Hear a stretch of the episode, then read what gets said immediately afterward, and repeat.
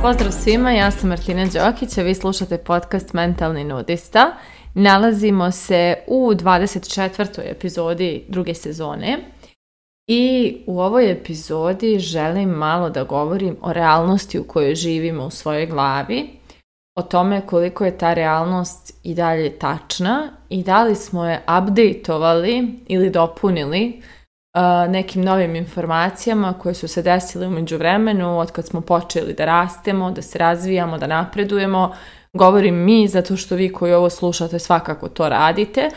Tako da ovaj, um, svakako dopunit ću cijelu ovu priču svojim iskustvom i zapravo baš moje iskustvo me inspirisalo da snimim ovu epizodu jer ehm,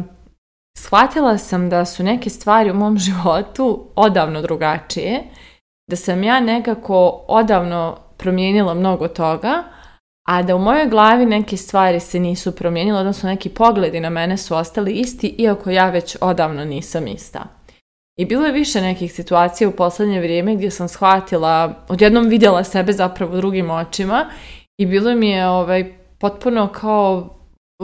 šokantno ili, ili otrežnjavajuće kao aha, pa ja sam sad ovakva, a ne onakva kakva sam navikla da budem. I ovaj, mislim da je baš važno da updateujemo tu realnost u kojoj živimo, tu verziju sebe u koju vjerujemo, zato što dok god mi to ne uradimo, koliko god se mijenjali, mi dalje živimo iste emocije i dalje vidimo sebe na isti način i ne možemo nekako da ubiramo te promjene, odnosno da, uživamo u plodovima svog truda dok god se taj update ne desi. E sad kao i kod telefona, nama možda iskući notifikacija da postoji nova verzija nas i da moramo kliknemo kada želimo da instaliramo, ali mi nekad to odlažemo jer nam se ne da, morat će da se ovaj telefon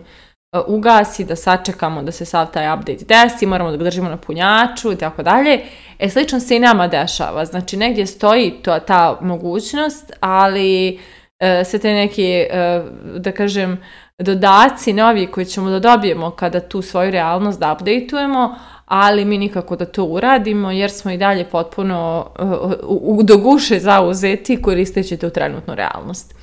I sad prvo što se meni desilo ja sam mnogo pričala o toj temi mog tijela i mog doživljanja mog tijela i tako dalje. I um, negdje ja, ja sam dosta promijenila perspektivu sebe, svojih fizičke spremnosti, svog tijela, svoje, da kažem, lepote, uh, ljepote, zgodnoće, seksi pilnosti, čega god ali e, i dalje nisam vidjela koliko sam ja zapravo sportski građana u nekim elementima i e, to mi se desilo sada kada sam bila na ovom putovanju, prvo e, ja se zaznam pošto posljednjih dana pričam sa nekim drugaricama što sam sve ono shvatila o sebi na Tenerifima i sad još mi se sve to sliježe, ali jedno od ja sam shvatila kolika sam ja ribetina, zato što kunem vam se životom, ja nisam imala pojma da sam ja toliko seksi ili kako god E, mislim, možda nisam, možda nekim ljudima i nisam, ali ja sam tamo doživjela da mene muškarci stvarno percipiraju kao neku ozbiljnu ribetinu i, ovaj, i da mi se stalno udjeljuju komplimenti za sve živo na meni, od mog oblačenja do, do mojih nogu, preko mog cijelog izgleda. E, tako da, ovaj, kako se zove, ja sam jednom vidjela tu perspektivu sebe i bilo mi je zanimljivo što, pošto su mi se sportisti dosta nabacivali, ljudi koji su baš onako sportim je cijeli život i tako dalje, i kao, uh, baš mi je to bilo onako, kao, čekaj, čekaj, i znam da sam onda kao jedan mamak mi je rekao, ono, da je, da, da, da ono, da sam ja njemu, wow, da ovo, da ono, ja sam ja onako kao, pa, ja pa kao gledao sam baš tvoje slike ovaj, na Instagramu, kao wow, bla, bla, bla, i onda sam ja ovaj, ušla da pogledam neke svoje slike. I ovaj... I onda sam bila u zonu, pa vrate, sam znači, kao, pa da, pa ja imam mišićeve noge, imam mišićeve ruke, to nisam ni shvatila. I ovaj, ja kao po prvi put vidim svoje tijelo da ima neke sportske obline koje ja nisam ranije skontala. I uopšte nisam sebe updateovala na taj način. Kaže, čekaj, pričeče, pa ti imaš ono, djevojko, radila si vrijedno stvarno na tome i evo imaš mišiće. Tako da to mi je bilo ono kao prva, prva ovaj, kao ovaj cup call. I mislim, ovo je sad, ajde, zazvam se malo na ovaj račun, ali stvarno je tako bilo, ali nije to ono što me inspirisalo da, da pričam o ovome. Nešto mnogo dublje i mnogo emotivnije me zapravo inspirisalo ovaj, da pričam o ovome, a to je eh, eh, moje iskustvo sa mojom porodicom, eh, baš ovog vikenda. A naime, znate već ko sluša ove moje epizode dugo, zna, zna neke moje životne priče i situacije i događaja, i šta se tu svašta dešavalo i šta sam sve prošla. I ono što sam ja iz djetinjstva ponijela kao, kao informaciju i kao poruku je da sam sama i da moram sama da se pobrinem za sebe i da svi moji problemi su samo u mojim rukama i ja moram da nađem izlaz iz njih. I negdje ovaj, bilo je jako teško živjeti tako, da vas, da, da ne lažem. E, prosto kada odrastate u nestabilnom domaćinstvu, vjerujem da mnogi od vas imate to iskustvo, ovaj, kada imate roditelje koji su nestabilni, pa kada vas nešto muči, u stvari to veća, veća problematika postaje kako će oni to da, da prihvate, nego to kako se vi osjećate, onda negdje klonite ih svojih problema i potpuno se okrećemo tome jel, da sami sve rješavamo. E tako sam ja sve sama. Ja sam u Beogradu kad sam se preselila prošla mnoge neke izazove koje sam nisam ni dijelila sa svojim roditeljima jer bi mi samo stvarali stres i dramu. Uh, isto bilo i u Beču i nekako Eh, ja sam bukvalno naučila da sama se selim, sama vučem svoje kofere, sama nalazim rješenja za sve svoje neke izazovne situacije. Znači, uvijek je bilo nekako, mislim, naravno imala sam ja ljude oko sebe koji će, na koje ću se osloniti, koji ću pitati za pomoć, koji će mi ponuditi pomoć, to su moji prijatelji, ali u, krugu porodice nisam nalazila tu vrstu oslonca i, i uvijek je ta činjenica nosila jednu veliku težinu za mene. I svaki put kada bih se našla u nekom problemu koji je meni bio stresan uh, i, ili tako krupan, uh, odmah bi se javila ta moja mala djevojčica u meni koja je tako sama i nemoćna, jer kao dijete sam se često i osjećala nemoćna da se nosim s nekim problemima koji su se dešavali u mojoj kući i meni samoj.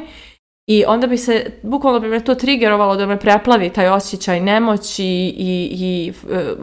straha i, i stresa šta ću sada i frustracije što ja ne znam da li ja to mogu da riješim i tako dalje. I stvarno je ovaj, često trebalo puno vremena da ja izađem iz, iz tog svog trigera, iz tih svih emocija koje me preplavljuju i onako vratim se u odraslu osobu i nađem rješenje. I godinama se to, da kažem, sve bolje i bolje dešavalo. Naravno, i dan danas imam situacije koje mi se čine kao planine i zauvijek ću ih imati, živ sam čovjek. Ali, da kažem, mnogo više sada odrasla Martina tu da mene podrži i, i da nekako ona iznese mnoge neke stvari. I e, moja porodica se mnogo promijenila. Promijenilo se baš, baš puno toga i u našem odnosu, i u našim emocijama, i u našem komunikaciji i jako veliki trud i rad je uložen u to. E, pričala sam i o tome u ovom podcastu i pričala sam i o svom povratku u Banja Luku da iskonzumiram taj odnos koji je nastao, te nove odnose koje imam u svojoj porodici, koji su me obogatili neopisivo i ja sam mnogo sam uvjerenija, srećnija, ispunjenija i zdravija osoba zbog svih trenutaka koje sam podijelila sa svojom porodicom posljednje dve godine, ali je činjenica da nisam updateovala neke stvari kada je u pitanju moj odnos sa njima. E, odnosno, E, nisam valjda navikla da su sada oni tu. I nisam valjda navikla da ja sad stvarno mogu da se oslonim na njih. I evo baš um, pre nego što ću da se vratim sa Tenerifa, um, ne znam, sam nekad pričala u podcastu, uglavnom ja imam psa kojeg dijelim sa svojim bivšim momkom već sedam godina. Znači moj bivši momak i ja smo živjeli zajedno, rastali se pre sedam godina i pošto smo psa uzeli dok smo živjeli zajedno, e, napravili smo prosto dogovor da to bude naš pas, jer ga oboje volimo i oboma nam je, oboma nam je važan taj pas i negdje taj naš e, pakt zaista dobro funkcioniše i mnogi ljudi se tome iščuđavaju, ali mi zaista super i dogovaramo i pregovaramo i uskačemo jedno drugom i pravimo planove koji uvažavaju i mene i njega i iznad svega naš pas je da tu kažem interesi našeg psa su bili E, iznad svih naših nekih igrica koje smo prošli dok nismo izgradili neki zdrav odnos nakon raskida. Tako da ovaj, mi smo stvarno jedan onako divan primjer e, razvedenih, mislim reći ću roditelja pod navodnik jer ja ne doživljavam sebe kao roditelja, svom psu nekog staratelja, ok? i jako smo kvalitetan primjer kako to može da funkcioniše i uglavnom ovaj, mi smo pre par mjeseci pričali, sad je na tri mjeseca ona kod njega, tri mjeseca kod mene jer živimo u različitim državama pa da ne, ne razlačimo psa da putuje stalno tamo vamo i uglavnom, ovaj, uh, iduće godine je moj plan da budem odsutna april, maj, pa se upada da, da ono april treba bude kod mene. Onda je on rekao, ajde ne, nek bude kod mene sa četiri mjeseca, pa četiri mjeseca kod tebe, pa tamo ti meni nju vraćaš u martu, april, maj su slobodna. I tamo smo se tako nešto dogovorili. I sad, ja četiri mjeseca, znači, pas nije bio sa mnom, vidjela sam ju u Beogradu, bila sam sa njom, ali nije bila kod mene i jedva čekam da je vidim. I... E, Dogovor je bio ja se vraćam u Banja Luku, sljedećem u petak, subotu ili nedjelju dolazim u Beograd da preuzmem psa jer ponedjeljak moj bivši momak odlazi na putovanje poslovno i e, jedan drugi je trebao da ide za Beograd tu subotu ujutru i bukvalno ja slećem u petak veče, subotu rano zorom idem za Beograd i možda čak isti dan se vraćamo, ali ja ću da uzmem svog psa, taj drugi ima neke poslovne obaveze i to je to. Ja sam to sve organizovala i ja slećem, i meni taj drug javlja da on ne može da ide, ima neki porodični izazov i ja ono, u tom trenutku ulazim u stres jer moj plan sada počinje da se remeti, a meni je jako važno da moj pas bude sa mnom i mala Martina počinje tu da se stresira. U tom ja krećem da tražim renta kar, ne mogu da nađem renta kar jer je sutra subota, sad je petak veče, niko mi ne odgovara, ovi što mi odgovaraju kažu ne daju na jedan dan auto, tu sad kreće čitava neka ono komplikacija u meni, ali ja sve vrijeme dok se sve to dešava, moj tata je došao po mene, pokupio me na aerodromu, mama i tata i vozi me ono kući, svratit ću kod njih i ja uopšte ne registrujem da ja sjedim u autu mog oca koji mogu da posudim. Jer ja nisam updateovala u svojoj glavi tu mogućnost zato što to nekad ranije nije bila mogućnost. I to večer dok sam sjedila kod njih kući, ja kažem ocu, ja bih sutra išla za Beograd, jel možda mi daš auto? On kaže može, nije problem. U tom ja pitam uh, svog bivšeg momka da li bi tebi bilo ok, možda da dođeš do granice, da dođeš na, do Rače, da ja ne idem skroz do Beograda, on kao nikakav problem, dolazim ja do Rače. U tom e, javlja se meni jedna drugarica pa mi ona nudi svoj auto ako treba. U tom se javlja druga drugarica koja mi kaže ako ne stigneš ovaj vikend prije nego što Ogi ode na put, ja ću da uzmem psa da ga čuvam. Znači u tom se oko mene stvara ogromna količina podrške, ljubavi i svega. I cijela priča se završava time da moj otac govori e, ajde idem ja sutra s tobom, da ne voziš sama, e, tamo ćemo svratimo da vidimo baku u Bijeljini, do da pokupimo Fibi i vraćamo se zajedno, ja ću voziti tamo, ti vozi nazad i super. I moj tata i ja odlazimo u subotu zajedno na taj put, na jedan dan, iako moj tata u nedelju već radi prvu smjenu rano ujutru. Znači, u subotu odlazimo e, zajedno, proveli smo zajedno, da kažem, dosta sati jer smo se vozili zajedno, ispričali smo se, podružili smo se, bilo nam jako lijepo i ja, dok sam se vozila nazad, ja sam razmišljala o tome kako ja više nisam sama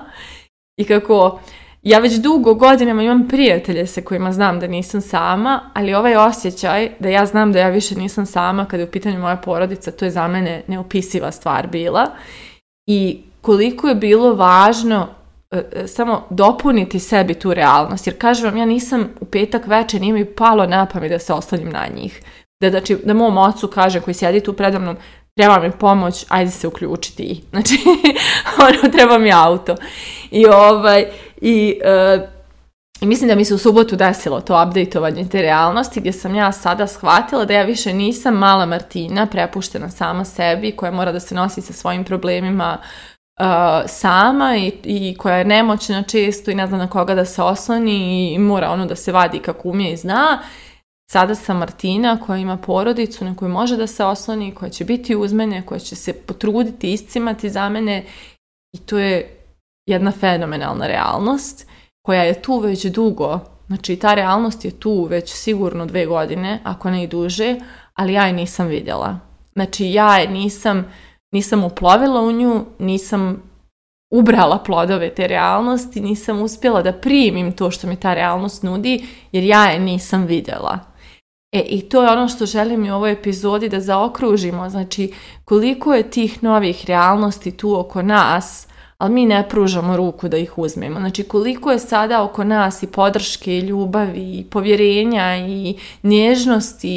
i, i koje čega divnog, na čemu smo toliko vrijedno radili, ali mi nismo pružili ruku i uzeli to i primili to novo što smo sebi stvorili.